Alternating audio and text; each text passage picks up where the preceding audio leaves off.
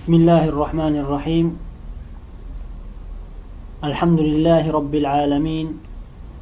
والصلاة والسلام على أشرف الأنبياء والمرسلين نبينا محمد وعلى آله وأصحابه أجمعين. أما بعد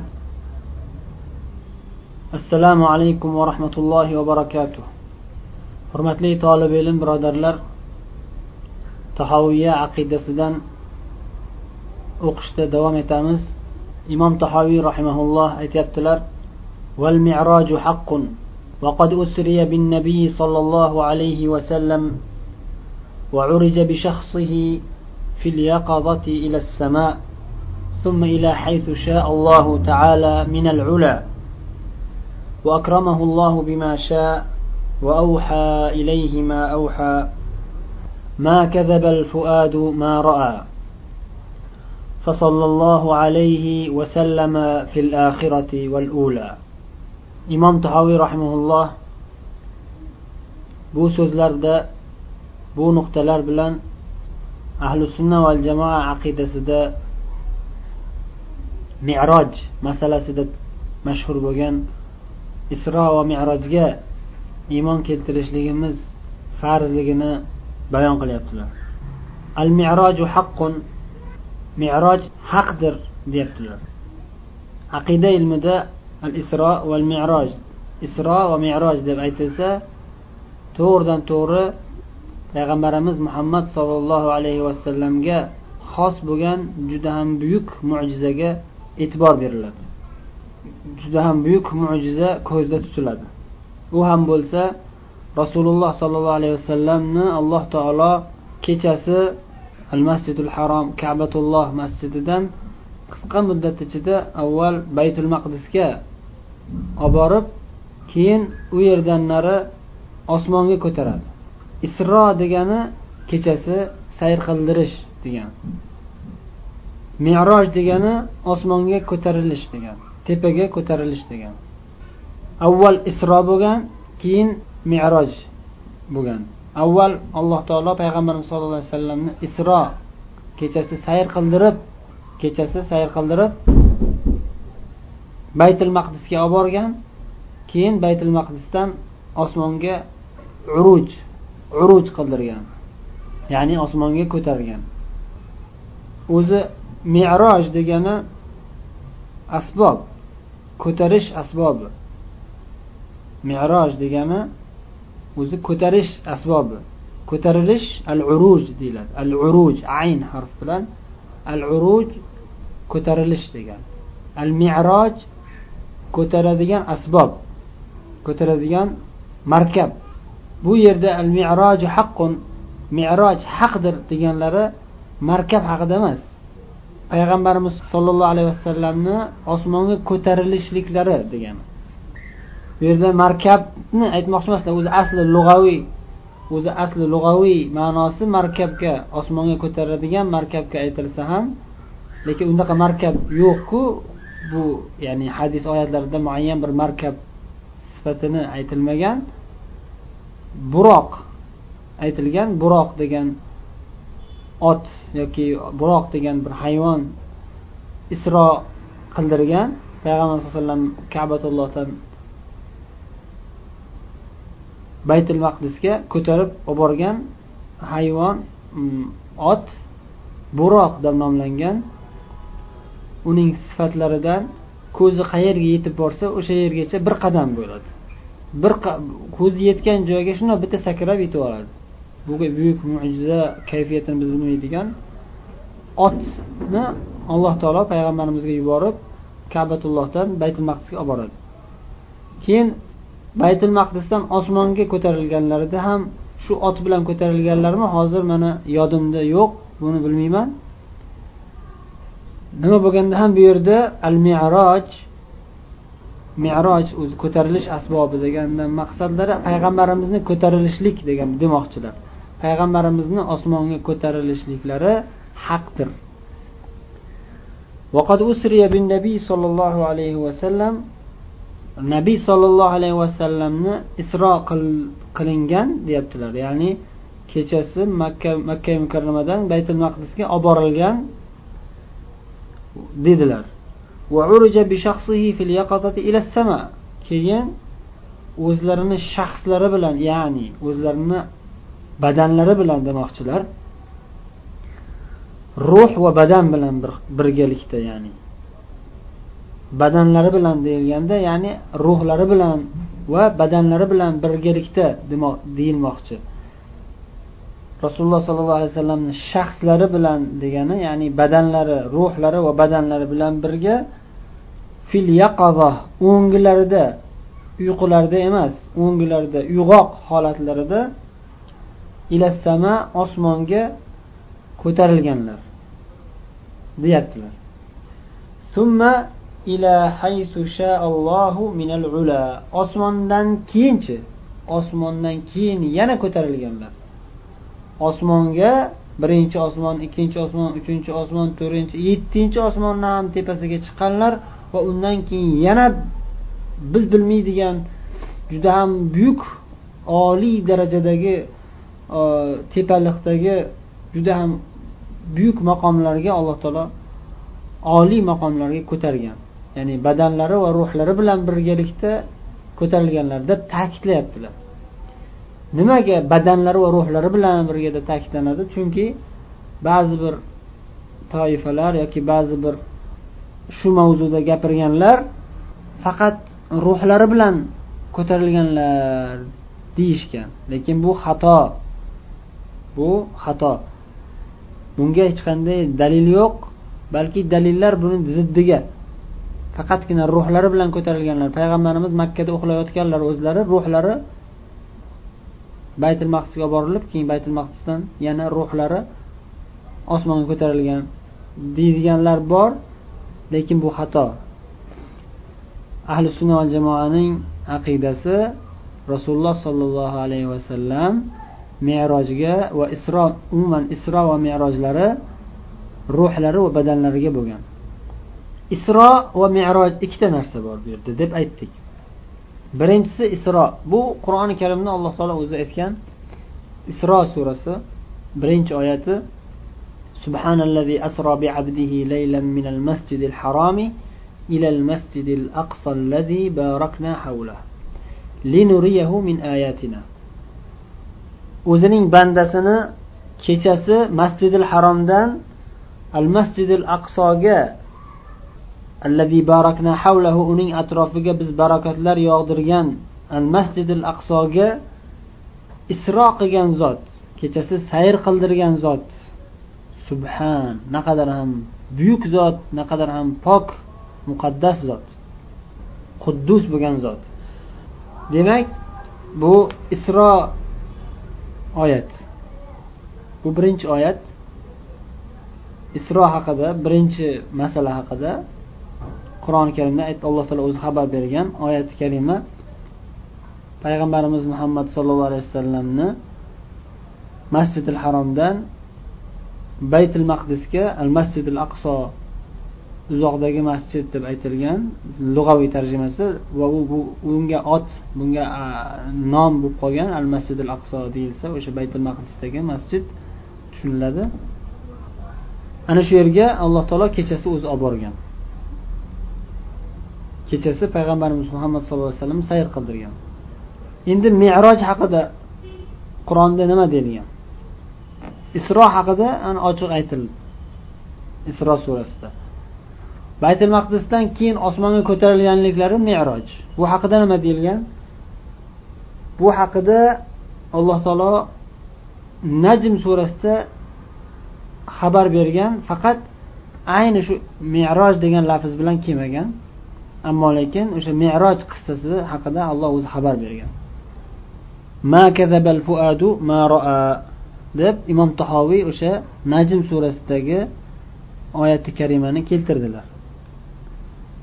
Mana shu oyati karimada alloh taolo payg'ambarimiz sollallohu alayhi vasallamning qalblarini poklab qalblarini oqlab aytyaptiki ma kazabal fuadu ma roa bu qalb ko'rgan narsasini ya'ni muhammad sollallohu alayhi vasallamning qalblari ko'rgan narsasi haqida yolg'on gapirmadi.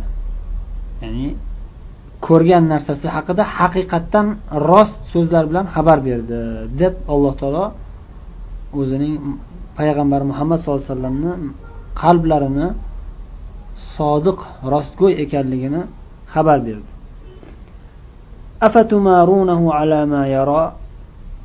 ولقد رآه نزلة أخرى عند سدرة المنتهى deb undan keyingi oyatlarda ham shu mavzuga doir xabarlarni aytdi alloh taolo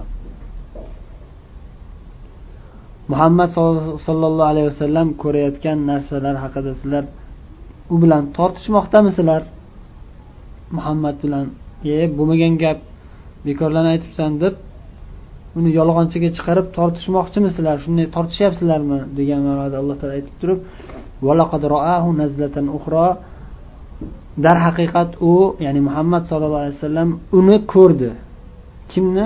Bu zamir jabroil alayhissalomga qaytadi. Ya'ni payg'ambarimiz sollallohu alayhi vasallam jabroil alayhissalomni ko'rdilar ko'rganliklarini xabar beryapti. Qayerda?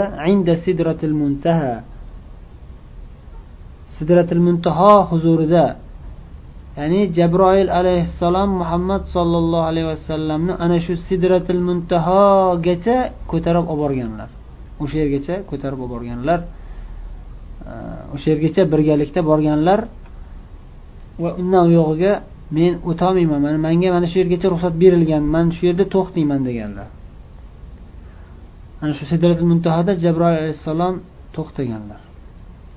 Ammo muhammad sollallohu alayhi vasallam esa undan ham balandroq maqomga ko'tarilganlar. Alloh taolo undan u yog'iga o'zi ko'targan payg'ambar sallallohu alayhi vasallamni.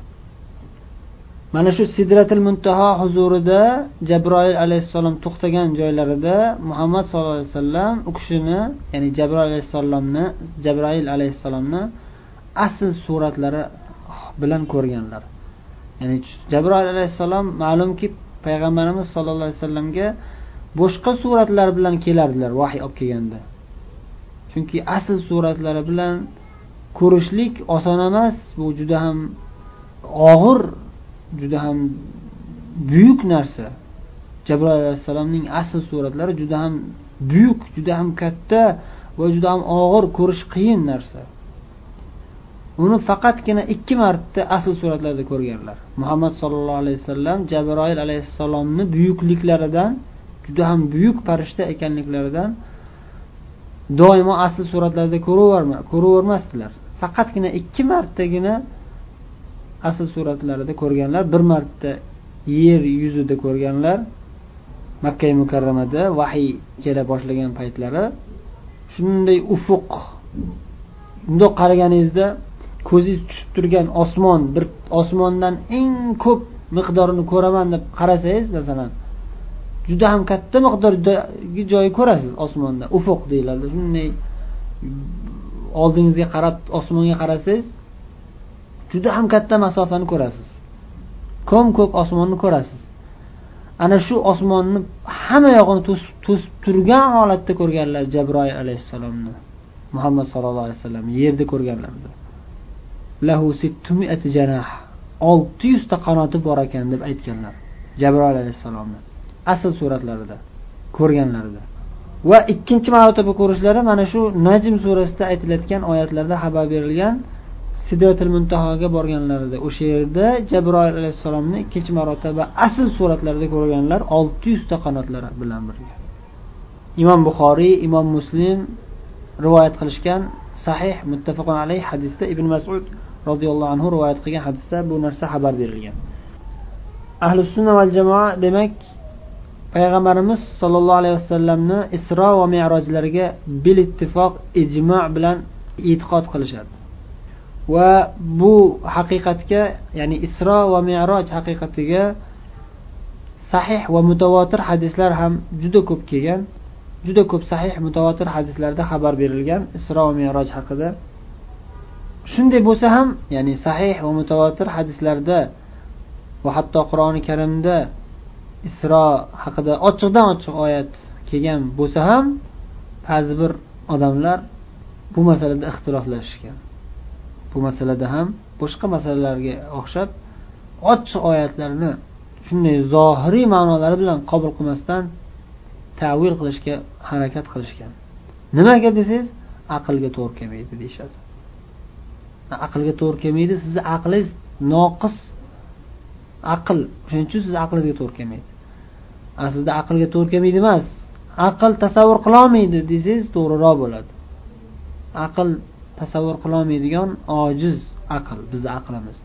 Lekin agar bizni iymonimiz mukammal bo'lsa payg'ambarlaru va buyuk sahobiylar abu bakr umarga o'xshagan zotlarga o'xshagan iymon bilan iymon keltirishga harakat qilsak aytamizki ala kulli shayin qodir albatta shak shubhasiz alloh taolo hamma narsaga qodir zot. Kim shu shak shubha qilsa bu narsada kofir bo'ladi? Innalloha ala kulli shayin qodir alloh taolo hamma narsaga qodir zot. Shunday ekan qur'on hadisda keldimi? Taslim bo'ling. Iymon keltiring deymiz. O'tgan darslarimizda ko'p takrorlaganimizdek bu darsda ham aytamizki isro meroj juda ham buyuk mo'jiza. To'g'ri biz tasavvur qilolmasligimiz mumkin. Aqlimiz zaifligidan lekin haqiqat haqqu rost deb iymon keltiramiz. Ba'zi bir odamlar o'sha aqli tasavvur qilolmaganligi uchun badanlari bilan ko'tarilmaganlar ruhlari ko'tarilgan deb tavil qilishgan. Ammo lekin alloh taolo subhanallazi asro biabdihi o'zining bandasini kechasi sayr qildirgan zot deganda nima? O'zini bandasini ruhi demayapti. O'zining bandasini deb mutlaq aytyapti. Banda deganda o'sha ruh va jasadga aytiladi. Inson mana shu ruh va jasadi bilan inson bo'ladi. Banda mana shu ruh va jasadi bilan banda bo'ladi. Va ba'zilar esa uyqularda bo'lgan deydi. Tush ko'rganlar deydi. Bu ham noto'g'ri bu ham bu, bu ham ochiq sahih hadislarga teskari zid keladi. Uyg'oq holatlarida borganlar. Agar tushlarida borgan bo'lganlarida yoki faqat ruhlari borgan bo'lganda bu narsa katta mo'jiza bo'lmasdi. Alloh taolo buni katta mo'jiza sifatida payg'ambarimizga tasalli juda ham musibatlar og'ir bo'lib ketganda makka mukarramada mushriklar haddan oshiq zulmi tug'yonga ketganda hatto atroflarida hech qanday bir himoyachi ham qolmagandan keyin abu tolib ham vafot qilib ketgandan keyin hadija onamiz ham vafot qilib ketganlaridan keyin u kishiga yordamchi bo'lib fidoyi bo'lib turgan odamlar o'zlarini qarindoshlaridan deyarli hech kim qolmagandan keyin payg'ambarimizga juda ham og'ir kunlar kelganda juda ham og'ir musibatlar zulmu tug'yonlar tushgan payt alloh taolo o'zining bandasini muhammad sollallohu alayhi vasallamni qalblarini sobit qadam yanada sobit qadam o'zi sobit qadam lekin yanada sobit qadamroq qilib haq yo'ldan zarracha ham taraddud qilmasliklari uchun eng katta mo'jizalardan yana birini bergan. Mana shu isro va meroj mo'jizasini va merojda osmonda ko'rsatgan juda ham buyuk mo'jizalari bilan payg'ambarimiz sollallohu alayhi vasallamni ikrom qilgan. Agar tush bo'lsa hamma ham tush ko'radi.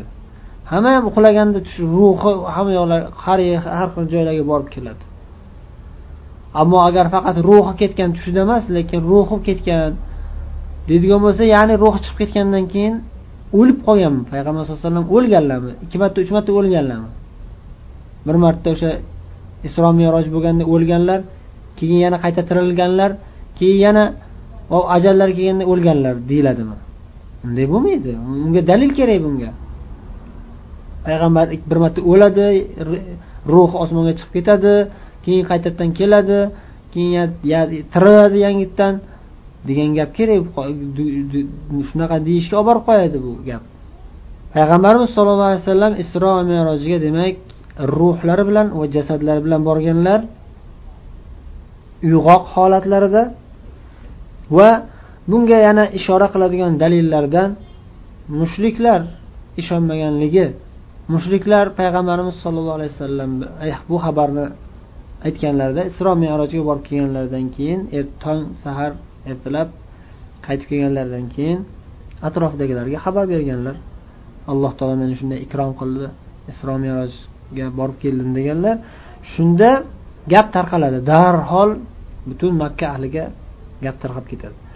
Shunda quraysh kofirlari bu narsani juda ham dahshatli juda ham katta narsaku bu bo'lishi mumkin emas bu deb turib rad qilishadi yolg'onchiga chiqarishadi agar ruh bilan borib kelgan bo'lganlarida yoki tushlarda borib kelgan bo'lganlarida bunchalik dahshatga tushib bunchalik taajjublanib uni yolg'onchiga chiqarib o'tirishmasdi. Chunki har kuni vahiy kelayotibdi har kuni rasululloh sollallohu alayhi vasallam tushlarida ham vahiy keladi o'ngilarida ham vahiy keladi. Bu narsaga o'rganib qolishgan. Yangi katta o'zgarish bo'ldi. O'shanga bular juda ham qattiq taajjubga tushib bu narsani inkor qilishmoqchi bo'lishdi. Hatto bilishardi payg'ambarimiz sollallohu alayhi vasallam shu payg'ambar bugunlarga qadar mana shu isro meroj qissasiga isro qissasi bugunga shu davr kelgungacha biror marta baytul maqdisga bormaganliklarini bilishardi.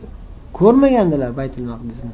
Boshqa quraysh ahlidan bir qancha tijoratchilar borib kelib turgan har yili borib kelib turishardi ular ko'rishgan ko'rganlar ko'p edi. Lekin payg'ambarimiz sallallohu alayhi vasallam biror marta allohni hikmati bilan allohni hikmati buyuk zot biror marta baytul maqdisga bormaganlar. To payg'ambar bo'lgunlariga qadar. Ikki marta yoshliklarida abu tolib amakalari bilan yo'lda ketayotganlarida yo'ldagi ba'zi bir nasroniy ulamolari ko'rib qolib qaytarib yuboradi. Agar deydi bu odam bu o'g'ling bu e, jiyaning baytul maqdisga borsa u yerda yahudlar bor. Ular ko'rib qolsa buni payg'ambarligini sezib qoladi. Bu payg'ambar bo'ladi kelajakda bu. Qaytargin buni u yoqqa bormagin. Yahudiylar qasdlashib o'ldirib yuboradi arablardan chiqyapti ekan payg'ambar deb bizdan chiqish kerak deb. Deb nasihat qilishadi yarim yo'ldan qaytib keladilar va bu narsani hamma quraysh bilgan ko'rgan bormaganliklarini yarim yo'ldan qaytganliklarini butun karvon ahli ko'rardi. Yuzlab odamlar karvonda butun makka ahliga u tarqalib ketgan xabar edi muhammad baytul maqdisga bormagan degan ochiq haqiqat. Hammaga ma'lum edi. O'shaning uchun mana bu voqea bo'lganida payg'ambarimiz sallallohu alayhi vasallam man baytul maqdisga bordim u yerda payg'ambarlarga imom bo'lib namoz o'qidim. Shu hamma qissasini qissalarni xabar berganlarida quraysh ahli ana endi muhammadni yolg'onchigini yolg'onchi ekanligini isbotlaymiz deb katta ketishgan. Chaqiringlar bu muhammadinani. buni yolg'onchiligini isbotlab beramiz. Bu yolg'ondan odamlar laqillatmoqchi bir kechada baytul maqsudga borib kelarmish. Biz bir oyda zo'rg'a borib keladigan balki bir oyda zo'rg'a yetib boradigan joyimizga shunchalik uzoq masofa hozirgi hisob kitob bilan hisoblasangiz ham ikki ming kilometrga yaqin makka bilan baytul maqdis orasi. Bir yarim ming ikki ming kilometr adashmasam va shunday uzoq masofaga hech qanaqa samolyotlar bo'lmagan hech qanday moshinalar bo'lmagan tez yuradigan markablar bo'lmagan. Qanday qilib borib keladi bu? Ishonishmagan. Bir kechada borib kelishlariga. Va osmon haqida talashishmadi ular. Mana shu baytil maqdisga borib kelganini isbotlasinchi oldin qani bizga baytil maqdisni sifatlab bersin. Nima nimalar bor ekan u yerda? Ko'rgan bo'lsa. Deb payg'ambarimiz chaqirishadi. Imom muslim rivoyat qilgan hadisda payg'ambarimiz sollallohu alayhi vasallam qattiq tashvishga tushdim dedilar. Shu makka mushriklari mani so'roqqa tutib qani nima ko'rding baytul maqdisda qanaqa ekan sifati? Ko'rgan narsalaringni sifatlarini o'sha baytul maqdis qurilishlarini o'sha yerdagi bor mashhur alomatlarini belgilarini qanday ekanligini xabar bergin bizga. deb so'rashganda boshida shu so'roqqa tutilishimdan oldin tashvishga tushdimki mani yodimda qolmagan payg'ambar sallallohu alayhi vasallam unaqa sayohat qilib mana bitta bunaqa imorat bor ekan mana bitta bunaqa imorat bor ekan mana bitta bunaqa daraxt bor ekan mana bu imorat bunday qurilgan ekan deb turib sayohat qilib yurmaganlar payg'ambar sallallohu alayhi vasallam. Payg'ambar sallallohu alayhi vasallam u yerga borib ibodat qilganlar namoz o'qiganlar keyin osmonga ko'tarilib ketganlar keyin yana qaytib tushib yana namoz o'qiganlar bomdod namozini. Keyin makkaga yana qaytib kelganlar. Kechasi borgan bo'lsalar qanday qilib sifatlab beradilar o'shanga tashvishga tushdim dedilar lekin alloh taolo yana bir mo'jizani ko'rsatdiki ana shu makka mushriklari so'roqqa tutishayotgan payt alloh taolo payg'ambar sallallohu alayhi vasallamga baytul maqdisni shunday ko'rsatib turdi. Bir yarim ming kilometr uzoqlikdagi shaharni va masjidi aqsoni payg'ambarimiz shunday ko'z oldilariga olib ko'rsatib turdi. Va natijada qanaqa savol berishsa hammasiga mukammal javob berib ularni lol qoldirdilar. Hammalari lol qolib jim bo'lib ovozlari o'chdi. Haqiqatdan ko'rib ketdi deb taslim bo'lishdi. Demak mana shu makka mushriklari bu haqida talashishganligiga sabab nima? Ruhida tushida emas. O'zi shunday jasadi ruhi va jasadi bilan borib kelgan manda davo qilayotgan deb shuni bilganliklari uchun shuni shunday so'roqqa tutishdi. Haligi aytganimizdek agar ruh o'zi borib kelgan bo'lsa bu uncha katta bir mo'jiza emas. Bu ham mo'jiza lekin bu katta bir mo'jiza emas. Chunki ruhlar aylanib yurishligini ko'pchilik biladi. Ruhlar aylanib yurishligiga ko'pchilik ishonadi. Ha oddiy narsaku bu deydi agar payg'ambarimiz xabar bersalar. Ruhim bilan borib keldim desalar. Yoki tushimda borib keldim desalar ha bu oddiy narsaku deydi. Lekin juda ham qattiq taajjubga tushib hatto musulmonlar ham taraddudga tushib qolay deyishgan biz o'tgan darslarimizdan birida aytganimizdek abu bakrga kelib e payg'ambarimiz shunaqa deyaptilar deyishgan ba'zi musulmonlar. Qanaqasi bo'ldi bu? deb. Qanday ishonamiz bunga? deb. Aytdilarmi haqiqatdan shunday deb aytdilarmi? deb so'radilar abu bakr. Ha aytdilar. Agar aytgan bo'lsalar to'ppa to'g'ri aytganlar. Hech qachon yolg'on gapirmanglar. Alloh taolo hamma narsaga qodir zot. Men jabroil alayhissalom har kuni vahiy olib kelib olib kelish yettinchi qavat yettinchi osmondan osmon tepasidan har kuni juda ham tezlik bilan vahiy olib kelishiga iymon keltiramanu baytil maqdisga borib kelishiga iymon keltirmaymanmi degan ma'noda ularni iymonda sobit qadam bo'lishga chaqirganlar. Abu bakr siddiq o'shanda yana ular iymonda sobit qadam qurishgan ya'ni aytmoqchi bo'lganimiz o'sha jasad bilan borganliklari katta mo'jiza bo'lgan. Jasadlari bilan borganliklari juda ham katta mo'jiza bo'lgan. Endi isro va meroj haqida kelgan hadislarda tafsilotlar kelgan bir qancha tafsilotlar bir qancha ma'lumotlar kelgan. Shulardan ba'zilarini zikr qilib o'tamiz.